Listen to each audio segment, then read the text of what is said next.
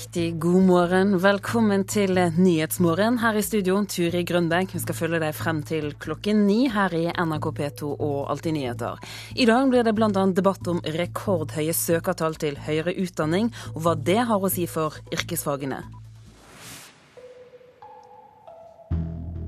Men eh, først, det skal bli enklere for Forsvaret å hjelpe politiet ved kriser og terrorangrep. Et lovforslag som regjeringen nå sender ut på høring, skal styrke samarbeidet. I mange år har det vært tvil om Forsvarets bistand til politiet i fredstid, om det er i strid med Grunnloven, men nå rydder regjeringen tvilen av veien, sier statssekretær i Forsvarsdepartementet Eirik Øvre Thorshaug. Det viktigste for regjeringa er at vi gjennomfører de forslagene som kom fra 22.07-kommisjonen om at Forsvaret skal kunne gi politiet rask og effektiv bistand når politiet spør om det. Og Derfor så foreslår vi nå å lovfeste i en egen bistandslov. Det vil fjerne enhver tvil om at Forsvarets bistand til politiet er i strid med Grunnloven.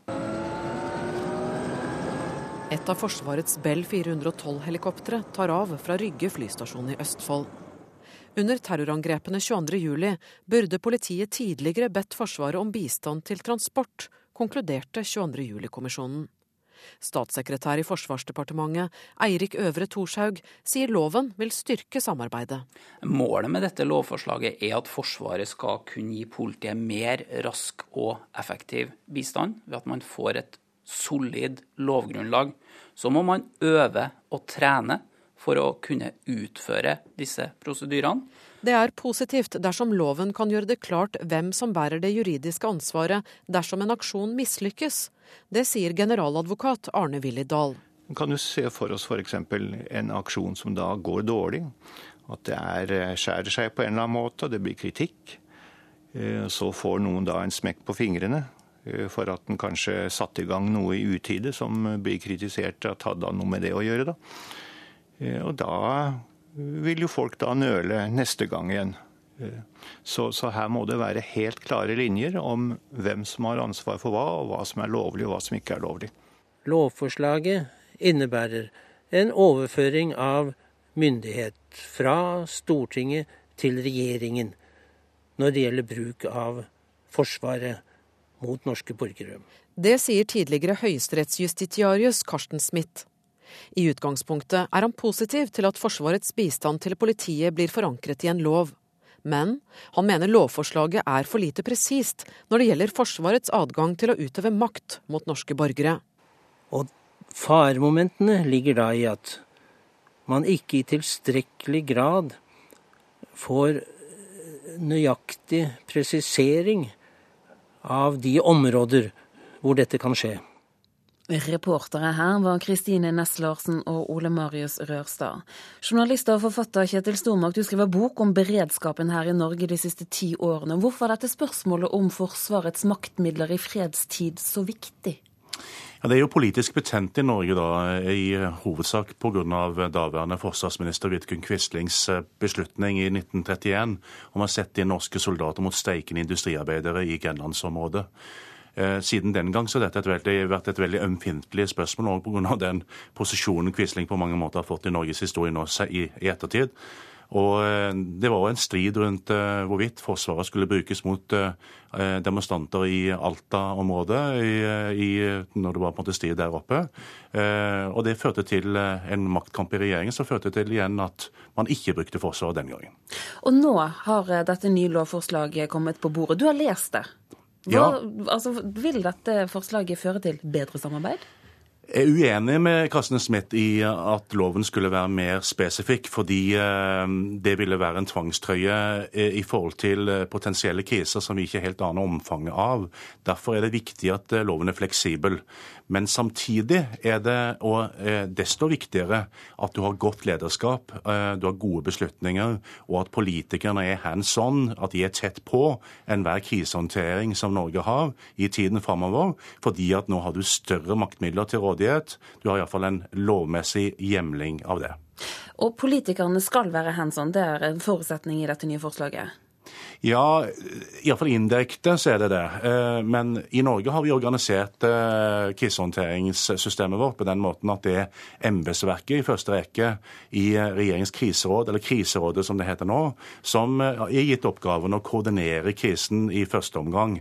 Det er ikke sikkert det er den beste løsningen gitt de lovmessige kravene og mulighetene som, ligger, som det blir åpna for nå, nå i denne loven.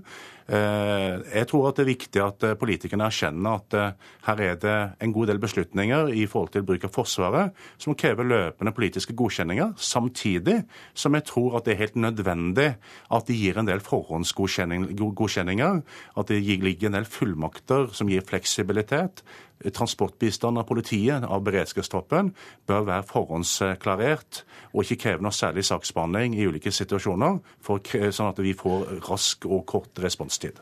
Et annet forslag er å styrke samarbeidet mellom Forsvarets E-tjeneste og Politiets sikkerhetstjeneste. Hvordan kan disse to utfylle hverandre når det gjelder arbeidet med terror? Ja, De har jo allerede hjulpet hverandre ganske mye etter 22.07, hvor eh, E-tjenesten måtte låne ut sitt personell til PST for å omgå de lovmessige måte, hullene som lå i det norske lovverket rundt dette. Nå blir dette eh, plugga igjen, eh, sånn at det er lettere å håndtere. Mer interessant er det for så vidt at man legger til sikkerhetsbegrepet òg, slik at Forsvarets sikkerhetsavdeling i tillegg til E-tjenesten òg kan bistå PST. Kjetil Stormak, takk for at du var med oss. Langt flere enn tidligere ønsker å studere. I år har hele 120 000 personer søkt seg til norske høyskoler og universiteter. En av de rekordmange som gleder seg til å starte høsten med blanke ark, det er Katrine Mathisen, og hun er helt sikker på hva hun vil bli. Barnehagelærer, fordi jeg elsker å jobbe med små barn. Ja, det er bare gøy. Ja, i år er det blitt rekord, og vi har nå rundt 120 000. Det er altså, utgjør faktisk nesten to hele årskull. Det sier prosjektleder Per Olaf Aamodt ved Nordisk institutt for studier av innovasjon, forskning og utdanning. Ved NIFU har forskerne gått gjennom søkertall helt tilbake til 2000. Denne perioden må deles i to. I første perioden fram til 2006 så går søkertallene nedover. Det har de også gjort helt fra midten av 90-tallet. Men så snur utviklingen, og vi får en veldig sterk økning igjen de siste fem-seks årene. På midten av 1990-tallet var det svake konjunkturer i samfunnet og høy arbeidsløse som førte til at folk søkte mer utdanning. Slik er det ikke nå. Forskerne har måttet lete etter andre årsaker. I noen grad kan det forklares av eh, relativt store ungdomskull. Men uh, i tillegg så det, ser vi klare tendenser at det er flere på videregående som skaffer seg studiekompetanse. Og det er nok også uttrykk for en generell interesse for å skaffe seg mer utdanning for å stå sterkere rustet på arbeidsmarkedet. Spesielt realfag, teknologi og lærerutdanningene er mer populære enn før, men det fagområdet med aller sterkest vekst de senere åra er økonomisk-administrative fag.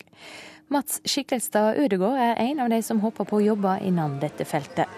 Jeg har søkt på økonomi og forretningsjus på BI. Det hørtes ut som et godt alternativ framfor eiendomsmekling og andre mainstream linjer, på en måte. Føler jeg i hvert fall. Det er rekordsøkning i år til høyere utdanning. Hva tenker du om det?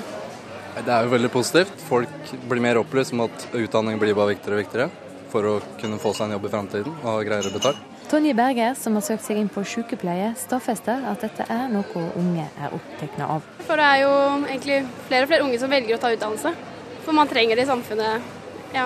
Så eh, jeg er 21 år, jeg har jobba, så jeg merker også det at for å komme deg videre, så må du faktisk ha en utdannelse.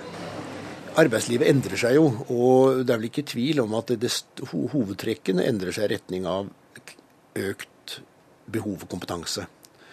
Og det betyr jo at konkurransen konkurransen å komme inn på arbeidsmarkedet oppleves som stadig sterkere, og at uh, man på en måte må skaffe seg mer og mer utdanning for å stå sterkere rustet i konkurransen om jobbene. Så var det Katrine, da, som ennå enda har sommerferie, men som gleder seg veldig til å starte på studiet. For det, da kan jeg gjøre mer for barna. Jeg lærer mer hvordan jeg skal hjelpe dem. da, og Få dem til å utvikle seg både fysisk og psykisk.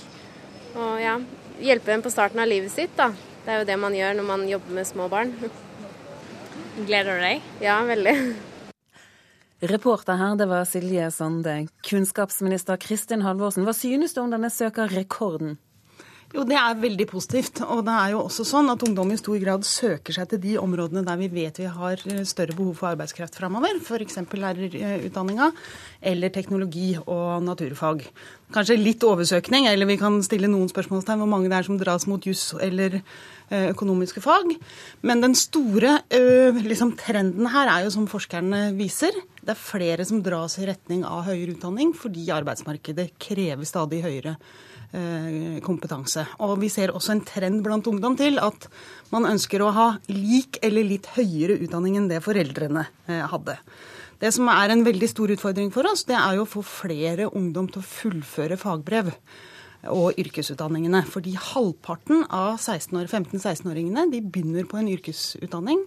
Men halvparten av dem igjen, altså en fjerdedel av ungdomskullene, de veksler etter to år og dras mot å ta studiekompetanse og Eh, studiespesialisering for å komme seg videre i høyere utdanning. Så det er to ting som er veldig utfordrende for oss. Det er å få flere til å fullføre eh, fagbrev, og der har vi kommet med mange eh, gode forslag til hvordan vi skal gjøre det.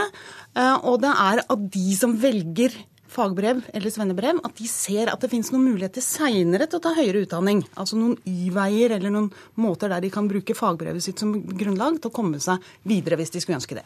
Ja, vi gir ordet til direktør for kompetansepolitikk, rekruttering og utdanning i Byggenæringens Landsforening, Jørgen Legård. Du ser også litt bekymringsfullt på denne utviklingen. Hvordan da? Ja, Det er en balanse her eh, som arbeidslivet eh, etterspør. Og vi trenger alle de som vi kan få fra universitetene og høyskolene, men vi trenger også de vi kan få fra fagutdanning og fagskole. Og, eh, og det er noe med balansen. Vi etterspør høyere kompetanse, men det betyr også høyere fagarbeiderkompetanse og fagskolekompetanse og universitet og høyskole. Slik at eh, eh, vi savner nok den eh, debatten om balansen i utdanningen. For nå er det overvekt av høyere utdanning, mastergrad og bachelorgrader? Ja, og ikke minst så ser du det at uh, bachelorgraden om den ikke er irrelevant, så er det mange som mener at du må ha master for å kunne få arbeid. Det er jo faktisk ikke slik. Vi trenger også f.eks. mange med treårig ingeniørutdanning. Kristin Halvorsen, ser du at det er en ubalanse her? Det kan gå litt inflasjon i noen av de eh, høyere utdanningene. Men det som er utfordringen vår, det er jo at hvis flere lykkes med de valgene de tar i første omgang, så får vi egentlig pose og sekk her. For noe av det som er hovedproblemet vårt, det er at mange ikke fullfører en yrkesutdanning som de eh, starter på. Og hvis vi får dem til det, gjennom å f.eks. gi rett til dette påbyggåret som gir studiekompetanse etter at man har tatt fagbrev og svennebrev, sånn som vi har nå eh, bestemt, gjennom å få til bedre veksling mellom arbeidslivet og skolen gjennom hele utdanningsløpet, og gjennom å satse på fagskolene, som er en måte for de som har yrkesutdanning til å gå videre på og bli mellomledere, så får vi egentlig til begge deler. For det vi absolutt må unngå for framtida, det er at det er mange som ikke har utdanning utover eh, grunnskolen. Er Nøkkelen her er videregående utdanning. Leger, er det hovedproblemet det at mange ikke fullfører yrkesutdanning? Er det der hovedproblemet ligger? Ja, Det er et av hovedproblemene, og det er en kjempeutfordring for oss at så mange ikke fullfører. Eh, det er et problem for oss at eh, såpass få egentlig søker eh, byggfag f.eks., eller yrkesfag. To, at det er få som går videre til fagskole, og at det er mange som slutter underveis. Nå er det for så vidt ikke bare strålende gjennomføring i høyere utdanning heller, da. Så det er jo en felles utfordring. Men hva skal til, da? Ja, vi mener at vi må ha en litt mer overgripende debatt om balansen i utdanningen. Hva er det som faktisk samfunnet trenger? Og legge til rette for at det er karriereveier både for fagutdannede, fagskole og for universitetene og høyskolene. Jeg tror at arbeidslivet sjøl har en veldig viktig rolle å spille her. Og det er å vise at dette er attraktive yrker der det lønner seg å ta utdanning. Hvis f.eks. en ungdom tar et fagbrev og ser at jeg får ikke noe mer i lønn og jeg får ikke noe mer spennende jobb, vel, så henger ikke det fagbrevet høyt og har ikke stor verdi for den ungdommen. Sånn at her er det viktig at vi klarer å samarbeide godt. Eh, og det har jeg for så vidt god tradisjon med når det gjelder byggenæringa. Eh, fordi vi kan, eh, hvis arbeidsgiverne er veldig tydelige på at her gir det uttelling å ha fagbrev, det gir uttelling å ta fagskole, så kan vi også sørge for at dette er utdanninger som er mer attraktive for ungdom. Deler du dette synet, Leirgård? Ja, det gjør det. Og når Stortinget nå behandlet meldingen på rett vei, så er det flere tiltak der som er veldig bra. Hvis regjeringen nå tør, eh, eller for så vidt kanskje neste regjering, tør å, å, si at fagutdanning, eller det som kalles fag- og yrkesopplæring, er utdanning, altså en profesjonsutdanning, så er vi et langt stykke på vei. Og hvis man da attpåtil tør å gi partene litt reell innflytelse, så hadde vi kommet enda lenger, og da hadde vi virkelig hatt mulighet til å reise den kjerringa også. Tør du det, Kristin Halvorsen? Ja, jeg mener at næringene, og særlig byggnæringa, er veldig godt hørt nettopp i den stortingsmeldinga. For det er de største endringene på yrkesfag som har skjedd på 20 år. Og jeg er veldig opptatt av at vi skal klare å holde det eh, trøkket og gjøre dette til attraktive utdanningsveier. Vi kommer oss ikke fra tegnebrettet og ut i virkeligheten hvis ikke vi har gode folk med høy praktisk eh, kompetanse. Det er noen som liksom tror at bare vi har massevis av professorer og ingeniører og sivilingeniører, så er vi berga. Og det er jo helt feil. Vi trenger hele linja her. Ja, For hvem skal bygge husene våre? Nettopp. Det er der. De, de må, den jobben må faktisk gjøres. Og jo høyere kompetanse og bedre folk vi har til å gjøre det, jo bedre samfunn blir vi også. Vi må runde av etter hvert. Lever til slutten av det er sommerferietid. Hvilket råd vil du gi til unge som nå er usikre på hva de skal utdanne seg til? Altså jeg, ungdommen er kloke mennesker. Jeg vil råde de til å ta den utdanningen de har lyst på. Så må vi, eh, både politiske myndigheter og næringen selv, legge til rette for at de også velger fagutdanning og fagskoleutdanning. Kristian Halvorsen, hva slags råd har du? Ja, Jeg er veldig enig i det. Jeg tror at den, den egeninteressen som ungdom har, det er en veldig viktig drivkraft for resten av yrkeslivet. Men det vi jo ser, er at de styrer de interessene sine i retning av det som er samfunnets behov, når de velger teknologi og naturfag og lærerutdanning i enda mye større grad enn før. Kristin Halvorsen Fikse, stor takk for at du kom. Takk også til Jørgen Lergård. Og Du lytter til Nyhetsmorgen i NRK P2 og Alltid nyheter. Klokken den har blitt 7.19. Dette er hovedsakene i dag. Samarbeidet mellom Forsvaret og politiet skal bli bedre. Regjeringen går nå inn for å endre loven. Som vi akkurat hørte, rekordmange unge, unge søker høyere utdanning. Bli med oss videre i sendingen, for Facebook kan utløse folketingshøring i Danmark. Politikerne er bekymret for makten nettstedet har. Kuwait lover fire milliarder dollar i hjelp til Egypt. Det skjer samtidig med at det er utstedt arrestordre mot mange sentrale medlemmer av Det muslimske brorskapet og drapene på over 50 demonstranter. Og Kuwait er langt fra alene i Midtøsten om å love støtte til Egypt etter avsettelsen av Mohammed Morsi. Mens USA og Europa halvhjertet diskuterer om det som har skjedd her i Egypt den siste uka er et kupp eller ikke, viser ikke landene i regionen den samme tilbakeholdenheten. Avsettelsen av president Mohammed Morsi har kastet om på maktforholdene her i Midtøsten, og verken kritikere eller støttespillere har latt vente på seg. Gulflandene med Saudi-Arabia, Kuwait og De forente arabiske emirater gjør det de kan best, taler med sjekkhefte. Siden militæret fjernet Morsi fra makten, har de lovet ikke mindre enn 12 milliarder dollar i hjelp. Den kommer i flere former, som olje, som innskudd i sentralbanken f.eks., men den viser med all tydelighet hva disse landene mente om Morsi og det muslimske brorskapet. Men det er ikke bare land med fete lommebøker som trekker et lettelsens sukk. Det samme gjør kongedømmet Jordan, som fryktet at et brorskapsdominert Egypt ville sette deres styre i fare. Og, ironisk nok, også Bashar al-Assads Syria. De ser på dette som et slag mot opprørerne i Syria, hvor også brorskapet har en viktig rolle. For ikke å glemme at Morsi brøt de diplomatiske forbindelsene med Syria nylig. En beslutning som først og fremst gjorde livet vanskelig for mange syriske flyktninger i Egypt. På den tapende siden av maktspillet har Tyrkia og Tayyip Erdogan i kjent stil vært mest høylytt. Den tyrkiske statsministeren kan ikke skjønne hvorfor ikke Vesten vil kalle dette et kupp, og spør seg om hvor det har blitt av de demokratiske idealene. Han regjerer gjennom islamistpartiet, AK-partiet, og har lenge vært framholdt som et eksempel til etterfølgelse i Midtøsten.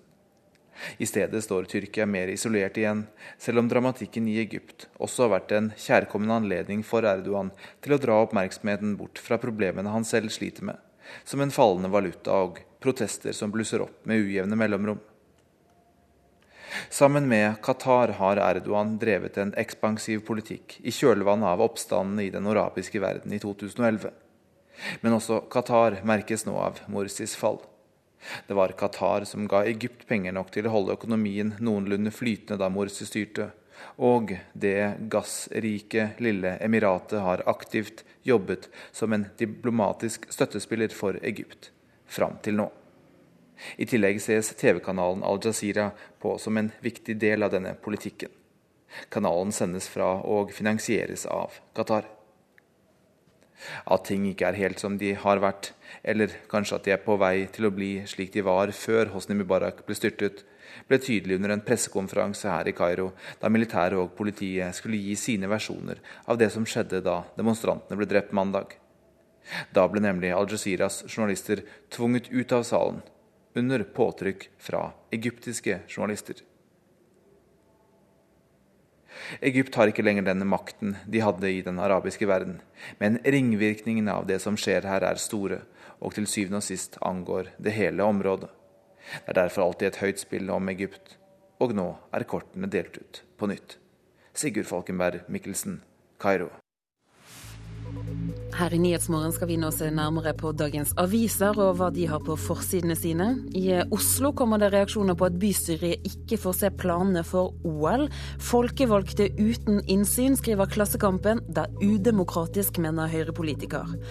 I går ble fire savnede speidere funnet i god behold etter en leteaksjon. Speiderleiren fikk kritikk.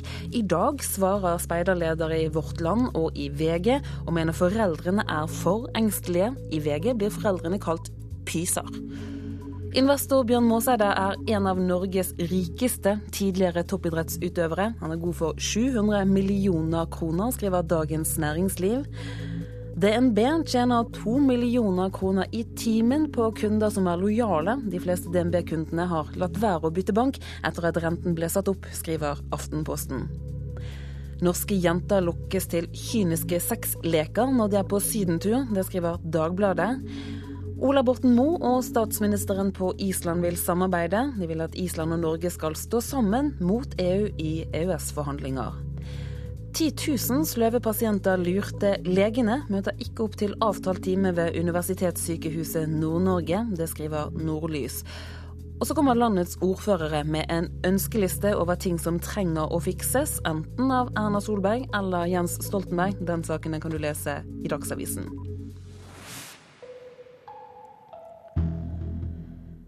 Danske politikere er bekymret for Facebook og rollen nettstedet har fått i samfunnsdebatten. Politikerne er kritiske til det de mener er sensur fra nettsamfunnet. Nå vil bl.a. Sosialdemokratene ha en folketingshøring om Facebook, og en lignende granskning kan bli aktuell i Norge. Mitt øh, mål er jo å øh, sikre at når Facebook arbeider og opererer i, i Europa og i Danmark, så skal de gjøre det ut fra våre normer og verdier. På, på, samme måte som alle andre medier. Det sier kultur- og medieordfører for Sosialdemokraterne i det danske folketing, Mogens Jensen. Danmark er et av de landene i verden med størst prosentandel av befolkninga på Facebook. Og Jensen er lei av det han kaller sensur på nettsamfunnet. Det er en lang rekke eksempler på en sensur som jeg ikke syns vi skal uh, akseptere. Tidligere i år ble flere fotografi fra hippiebevegelsen av den danske kunstneren Peter Øvig Knutsen sensurert pga. blotta bryst og underliv. Og en dansk politiker politikers ytring om at statsminister Helle Thorning-Schmidt er dum og naiv, ble sletta fra nettsamfunnet. Nå vil flere politiske parti i Danmark ha ei folketingshøyring om mulighetene for politisk påvirknad av Facebook sine regler. Og de håper EU vil legge flere styringslinjer for sosiale medium gjennom et nytt direktiv. Det er eh, viktig å ta vare på ytringsfriheten på Facebook og på andre medier. Derfor er vi åpne for å lage et eh, strengere regelverk som sørger for at folk ikke blir sensurert. I Norge ønsker Venstre sin førstekandidat til Stortinget, Per Magnus Sandsmark, en lignende høring og gransking av Facebook velkommen. Ja, det vil være et spørsmål som man f.eks. kan drøfte i en uh, i en slik eh, høring. Og vi har jo bl.a. ment at man eh, trenger ytterligere oppfølging på medieansvar. Og da vil det være naturlig å se på de sosiale mediene i en del av eh, det. Etter at Mogens Jensen gikk ut i Berlingske Tidene med forslaget om en gransking av Facebook, har saka skapa stor debatt i Danmark. Mellom annet sier Ole Birk Olesen i partiet Liberal allianse til den samme avisa at alle medium blir redigerte, og at Facebook er mer ope enn de fleste. Det er mer på linje med mediepolitisk talsmann i Fremskrittspartiet, Øyvind Korsberg, sin reaksjon på saka. Vi har et lovverk som uh, setter begrensning og ivaretar uh, rettssikkerheten. Medan statssekretær for Arbeiderpartiet, Mina Gerhardsen, mener Facebook er utenfor statlig kontroll. Dersom det blir en diskusjon i EU, så er det interessant. Men herfra har vi ingen planer nå om å ta en sånn diskusjon. Og Facebooks talsperson for Norden, Jan Fredriksson, sier til NRK at Facebook skal beskytte ytringsfriheten, men samtidig være en plattform for hele verden, og retningslinjene skal sørge for at ingen av de en milliard brukerne blir støtt. Reporter her, det var Maria Piles Våsan. Friidrett nå. Henrik Ingebrigtsen vurderer å satse på 5000 meter i fremtiden. Den regjerende europamesteren på 1500 meter tror han kan hevde seg også på de lengre distansene. Jeg trener veldig likt som en 5000-meterløper. Og i mesterskap så, så, tror jeg jeg har noen av de kvalitetene som skal til for å gjøre det bra. Før U23-EM i helgen sier regjerende europamester på 1500 meter Henrik Ingebrigtsen at han vurderer å satse på 5000 meter i fremtiden. Jeg skal ikke se bort ifra at etter hvert jeg kommer til å satse mer og mer på 5000. Jeg får iallfall beskjed hele veien av eh, ja, folk eh, rundt forbi at eh, ja, det 5000-meterløpere jeg kommer til å bli. På søndag går startskuddet i 1500-meterfinalen for Ingebrigtsen og resten av de unge talentene fra Europa. Og 22-åringen kommer til å holde seg til denne distansen i tiden som eh, kommer. Jeg satser 1500 meter så lenge jeg, eh, så lenge jeg forbedrer meg og så lenge jeg syns det er gøy. Reporter her, det var eh, Emil Gukild. Du lytter til Nyhetsmorgen i NRK P2 og Alltid nyheter. Her blir det straks Dagsnytt ved Anders Borgen Werring. Etter Dagsnytt så skal vi til Balkan, for i dag er det 18 år siden 8000 gutter og menn ble henrettet i Srebrenica. Dette blir det mer om når vi skal ha utenriksreportasjen. Produsent for Nyhetsmorgen i dag, det er Vidar Eidhammer. Her i studio, Turi Grønbekk.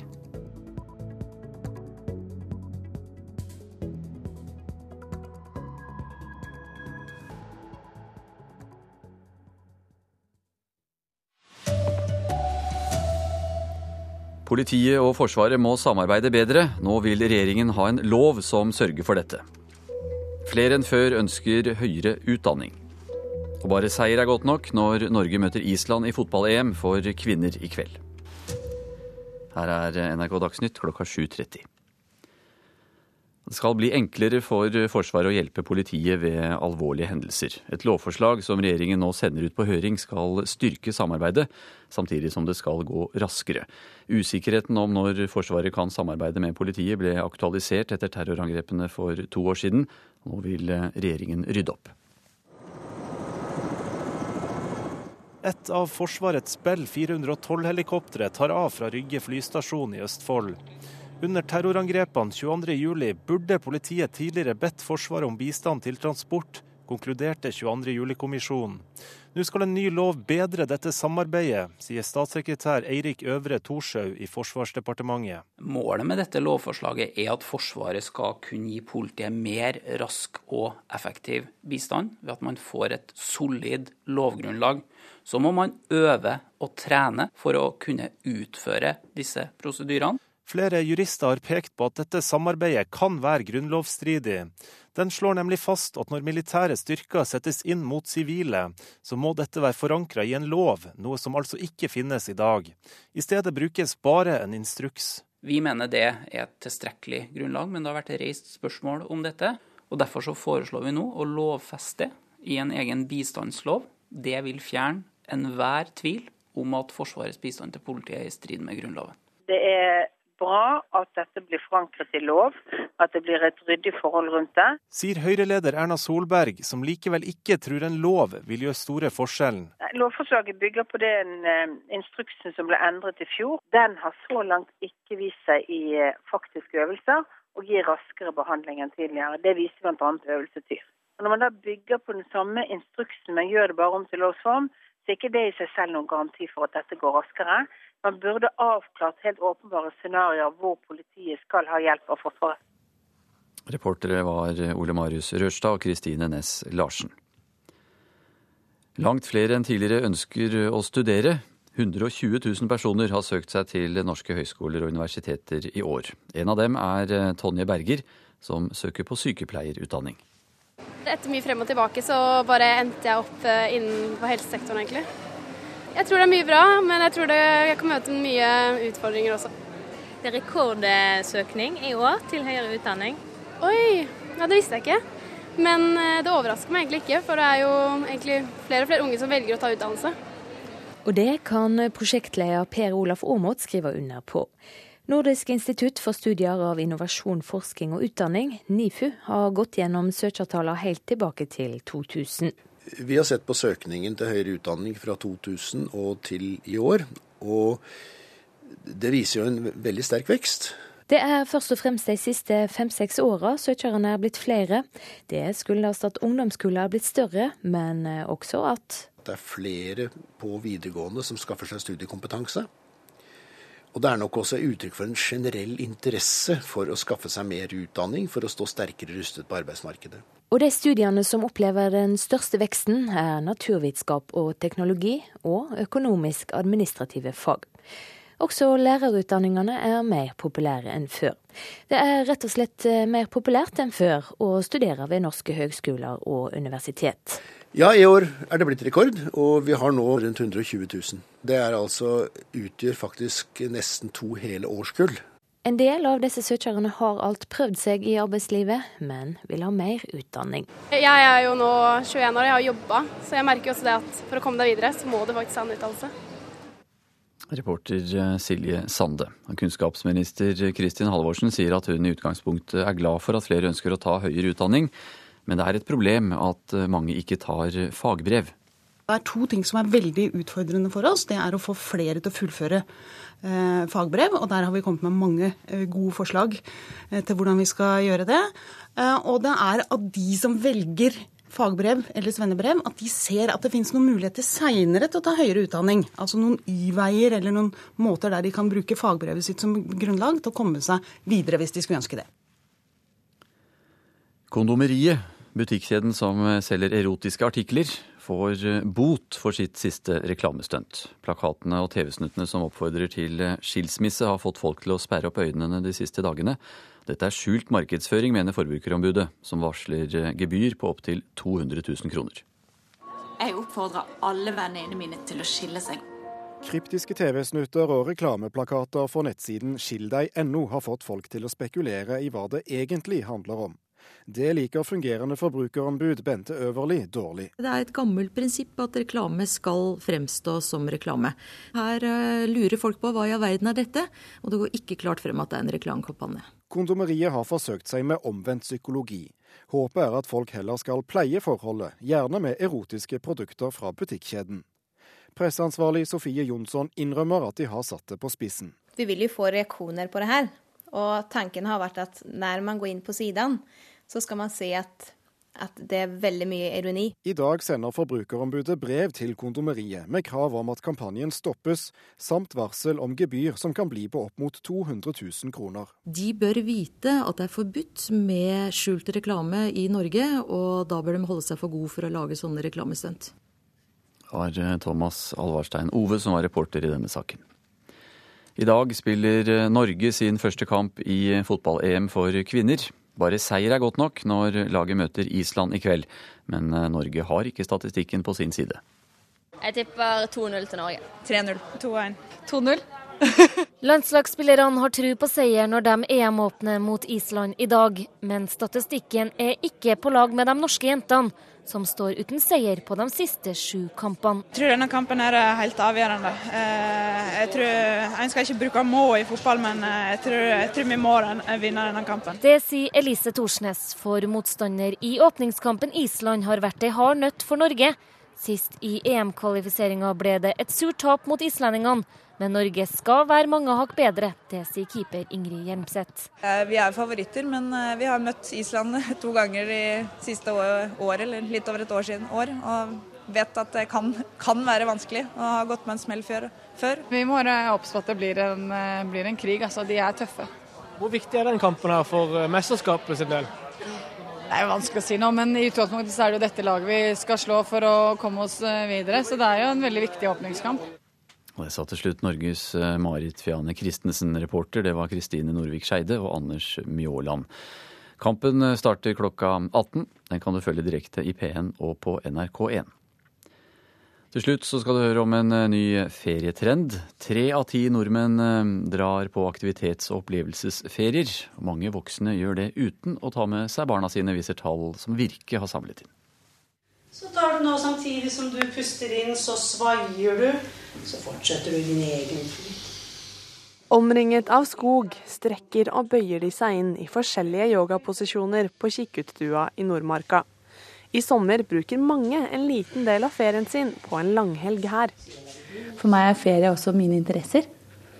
Så for meg er det helt naturlig. Og det å komme inn i Nordmarka og gjøre yoga syns jeg er helt fantastisk.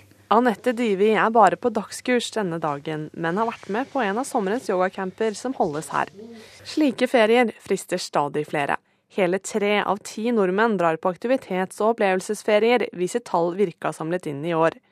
Ifølge direktør Hilde Charlotte Solheim reiser vi gjerne på flere ferier, for 65 av oss vil også på den klassiske sydenturen. En sterk og klar trend som vi fra Virke har analysert over tid, det er at vi i tillegg til hovedferien vår forfølger de personlige, private interessene våre. Eh, det er en liten egotripp. Og det største motivet i den egotrippen, det er fottur, vandring, naturopplevelser. Så det, er, eh, det matcher godt med det vi tenker er typisk norsk. Vi ønsker å gjøre aktive ting ute i naturen. Og så spenner du av inn i hoftebøyene når du lener deg frem, og så rolig Julian Bendik Matsø er også på yogakurs, men skal på flere aktivitetsferier i sommer. I sommer skal jeg seile i 14 dager med seilbåt. Og jeg skal prøve å få gått tre-fire dager i fjellet. Jeg skal til Syden i 14 dager. Han tror den nye ferietrenden kan handle om status for mange. Det er liksom i tiden så at man skal være flink. Og så er det veldig mange som har behov for å skryte på Facebook etterpå da, at man har gjort det. Reporter her, det var Pernille Vegheim Dvergedal. Det er Hans Jørgen Solli som har ansvaret for eh, Dagsnytt eh, i dag. Frode Thorshaug er eh, tekniker. Jeg heter Anders Borgen Werring.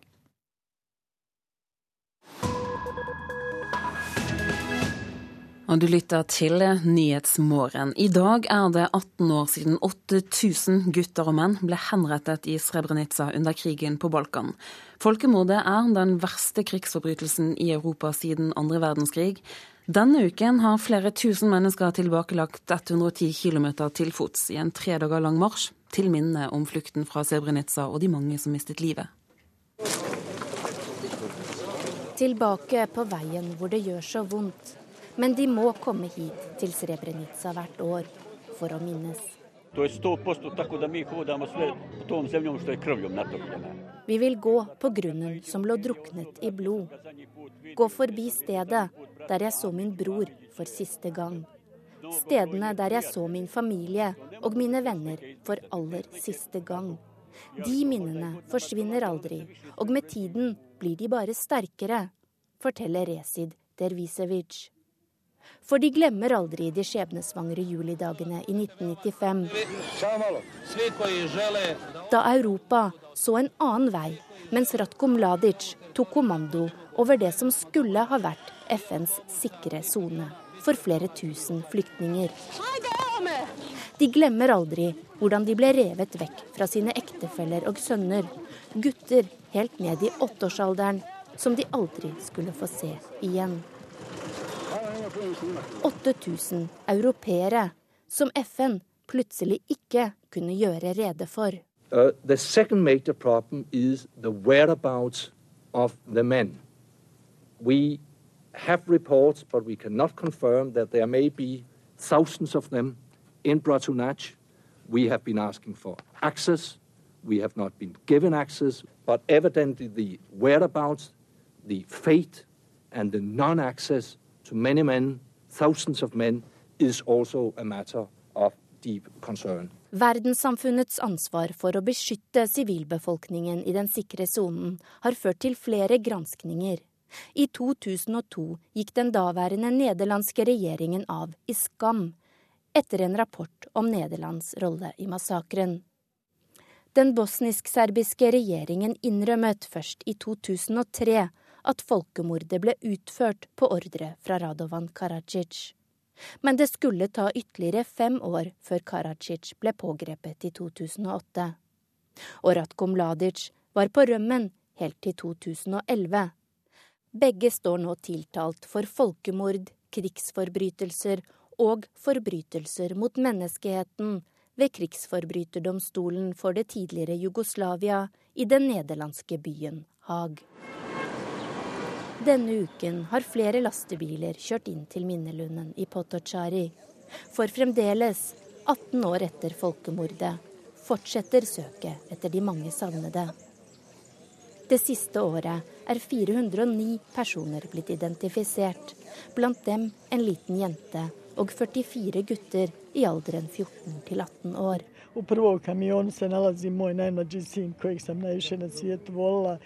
I den første lastebilen ligger levningene etter min yngste sønn, som jeg elsket høyest.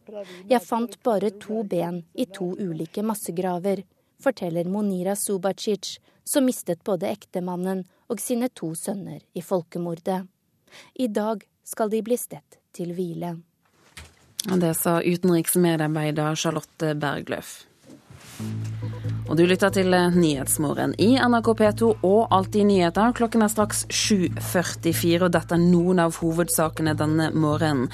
Politiet og Forsvaret må samarbeide bedre. Nå vil regjeringen ha en lov om dette. Flere enn før ønsker høyere utdanning. Det er positivt med rekordsøkertall, sier kunnskapsministeren. Og kondomeriet får bot for skjult reklame. Butikkjeden forteller ikke at den står bak Skill deg.no-kampanjen. Og så er det tid for Politisk kvarter, og det blir mer om den nye loven som skal sikre samarbeidet mellom Forsvaret og politiet. Lars Nehru Sand? En ny lov er ikke alt som skal til for å lykkes, skal vi få høre. Regjeringen møter opposisjonen til debatt.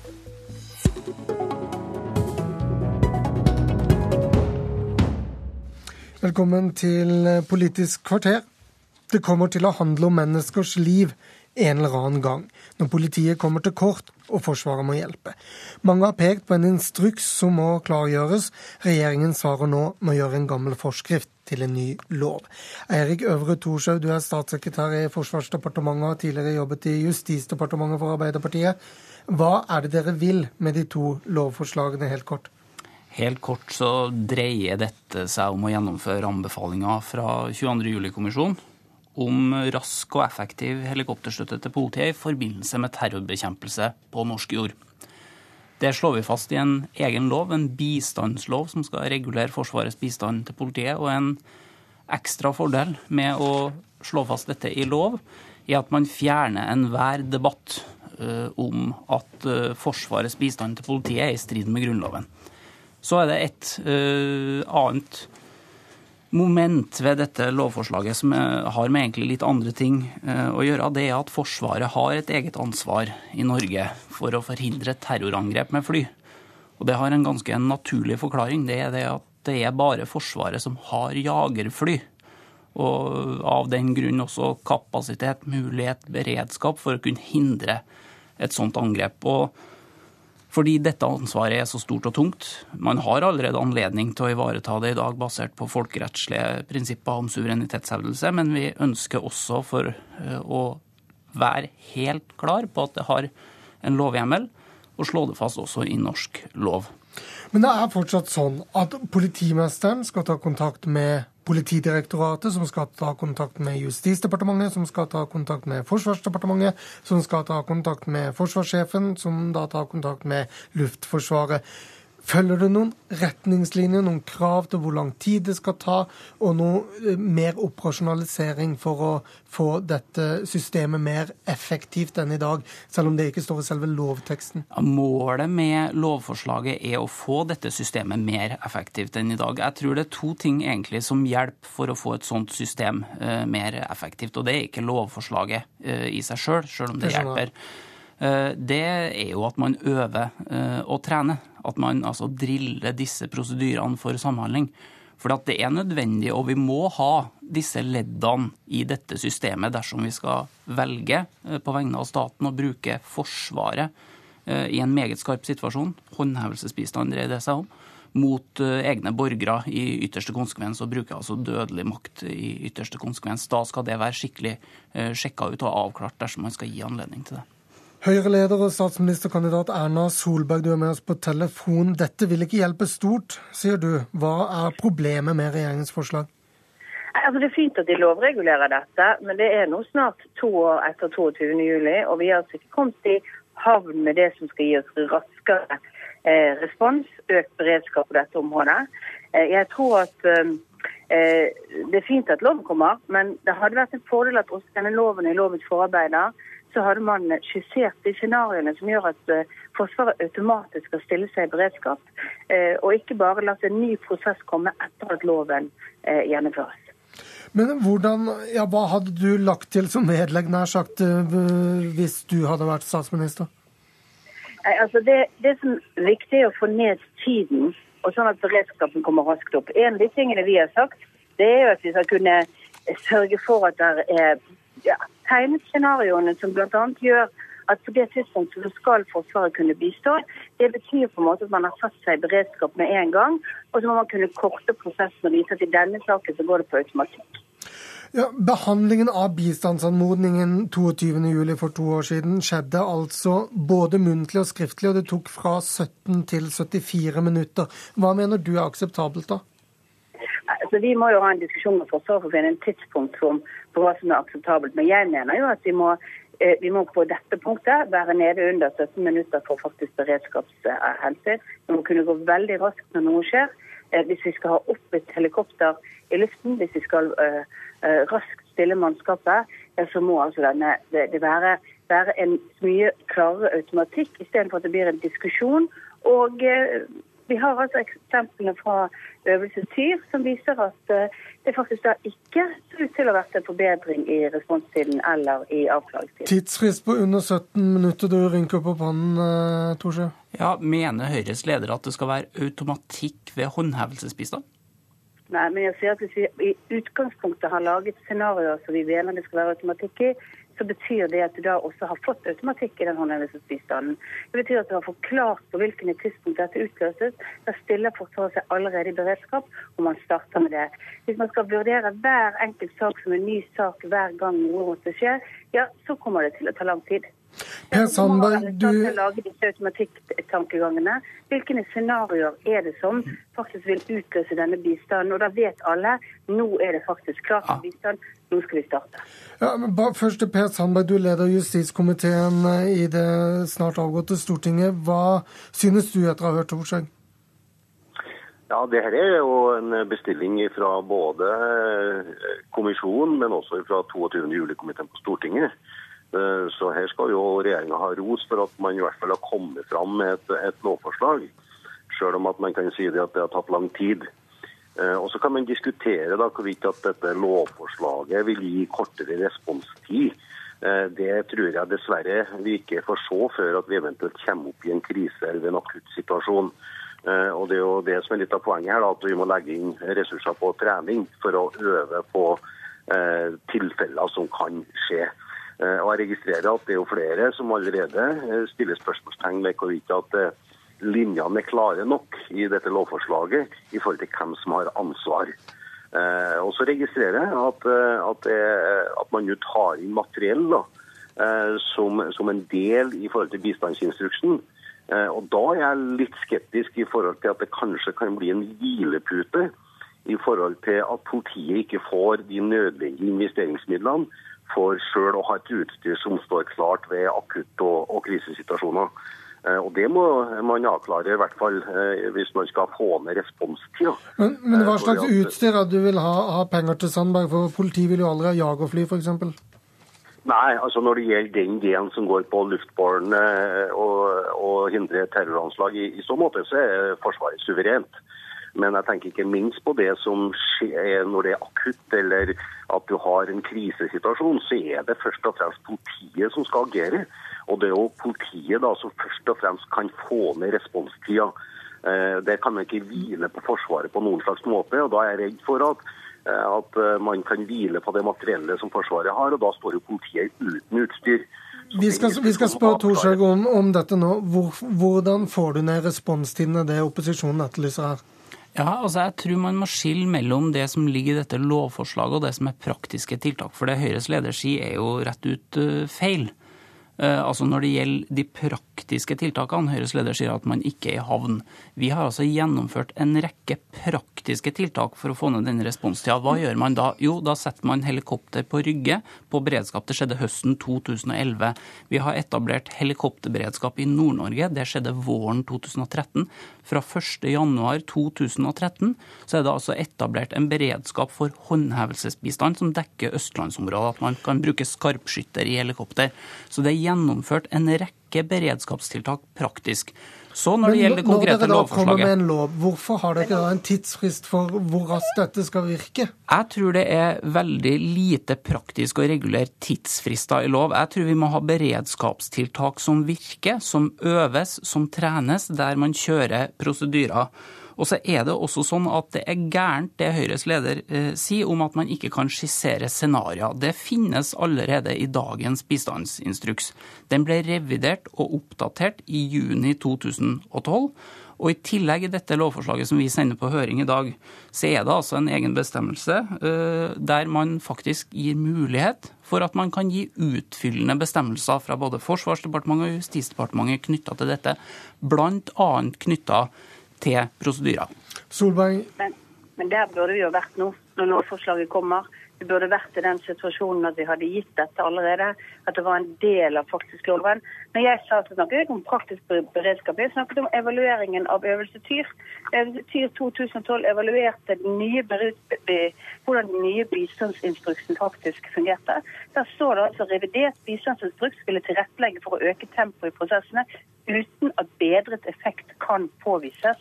Erfaringene etter Øvelse Tyr 2012 synes å være at evnen til å levere i rett tid og med rett innhold er ikke nevneverdig bedre. Det er altså etter de tiltakene som nå statssekretæren eh, sier man har gjennomført for å gjøre beredskapsinstruksen raskere. Det har bekymret oss. Og Der tror jeg vi er nødt til å gjøre faktisk bedre tiltak for å få dette i gang. Bedre tiltak svært kort eh, til slutt, Torsjak. Det er akkurat derfor man skal øve og trene. Og akkurat derfor det er veldig bra, det er nyttig, det er nødvendig at regjeringa legger fram og sender på høring et forslag om et revidert lovgrunnlag for å eh, gjøre samarbeidet mellom Forsvaret og politiet mer effektivt. Tusen takk, Erik Øvre Thorshaug, Per Sandberg og Erna Solberg.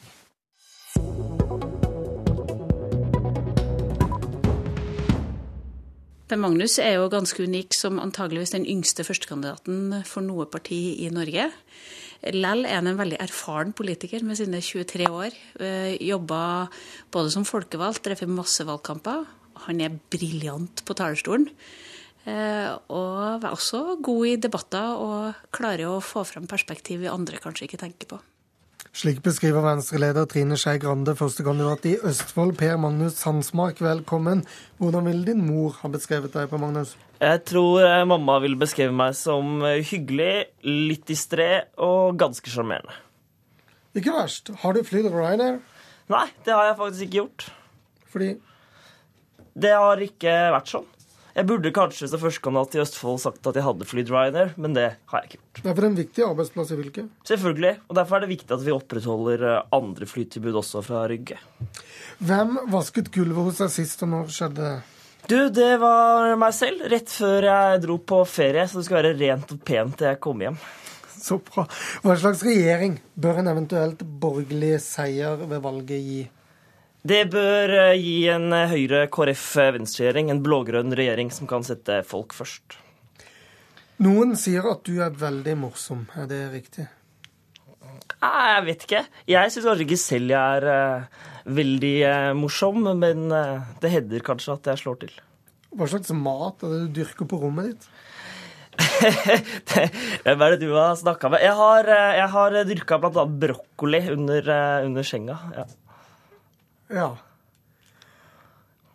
Hva er det mest liberale du har gjort i ditt liv? Det mest liberale jeg har gjort i eh, mitt liv Jeg vet ikke. Kanskje Nei, jeg er kanskje ikke så veldig liberal i eh, praksis. Såpass. Kunne du med dine holdninger gifte deg med en sosialdemokrat? Nei, det tror jeg hadde vært uh, vanskelig. For sosialdemokrater er så opptatt av systemer. Det er ikke jeg så veldig. Nettopp. Tross din sjarmerende side, altså. Eh, hva vil du få ut av ditt politiske engasjement? Jeg eh, har lyst til å forandre verden og gjøre verden eh, hyggeligere, mer sjarmerende, mer liberal. Positiv. Å stemme Venstre er det samme som å stemme blankt, er det noen som sier. Hva sier du? Nei, det er helt uh, feil. Å stemme Venstre er det samme som å stemme på miljøet, som å stemme på framtidige løsninger, som å stemme på et uh, parti med hyggelige, bra folk som vil kjempe for en bedre verden. Hva er det som er så kult med Østfold, egentlig? Det kuleste med Østfold er at vi er det fylket hvor flest betaler NRK-lisensen. Ja, Det er bra kult. Ja, det er ganske bra kult. Og så er vi eh, et eh, Jeg liker veldig godt med Østfold at eh, folkeslaget østfoldinger er litt sånn sjenerte og småharry. Men det er kanskje også det som gjør at vi østfoldinger blir sett litt ned på og ser litt for mye ned på oss sjæl. Du har dansa ballett, skrevet om museumsforvaltning, vært med i Målungdommen og vært medlem av Nei til EU. Du er opptatt av barnevern og miljø. Hva er det som er galt med SV? Det som er eh, galt med SV, er at eh, de er eh, for opptatt av at andre skal mene det samme som dem. Det som er så fint med å være liberaler, er at Venstre kan alle mene hva de vil? Ja, er, Alle kan jo ikke mene hva de vil, men venstrefolk syns at alle andre i hvert fall kan mene eh, hva de vil, og vil f.eks. ikke styre hva frivillige organisasjoner skal mene for at de skal få statsstøtte, som SV f.eks. har gjort i regjering. Du har vært politisk aktiv siden 2007. Hva har vært den største overraskelsen ved å se politikken fra innsiden kontra utsiden? at alle er så utrolig enige hele tiden. I norsk politikk? Ja. Alle partiene? Ja, jeg syns det. det liksom, når man diskuterer, så er det gjerne man er enige om problemstillingene. Man har veldig stor enighet i de store spørsmålene. Og så handler den politiske debatten om eh, bitte små detaljer og hvorfor teknikaliteter gjør at man ikke kan, uh, kan gjøre ting. Og det overraska meg hvor stor uh, enighet det er om at uh, alt er som det alltid har vært. Men når partiene er så like, så trenger vi kanskje ikke de små, da? Jo, det var nettopp derfor så trenger man eh, de små. Sånn at man eh, har partier som er eh, opptatt av andre ting, som er opptatt av personvern, som vil verne Lofoten og Vesterålen osv. Det var Politisk kvarter. Jeg heter Lars Nehru Sand.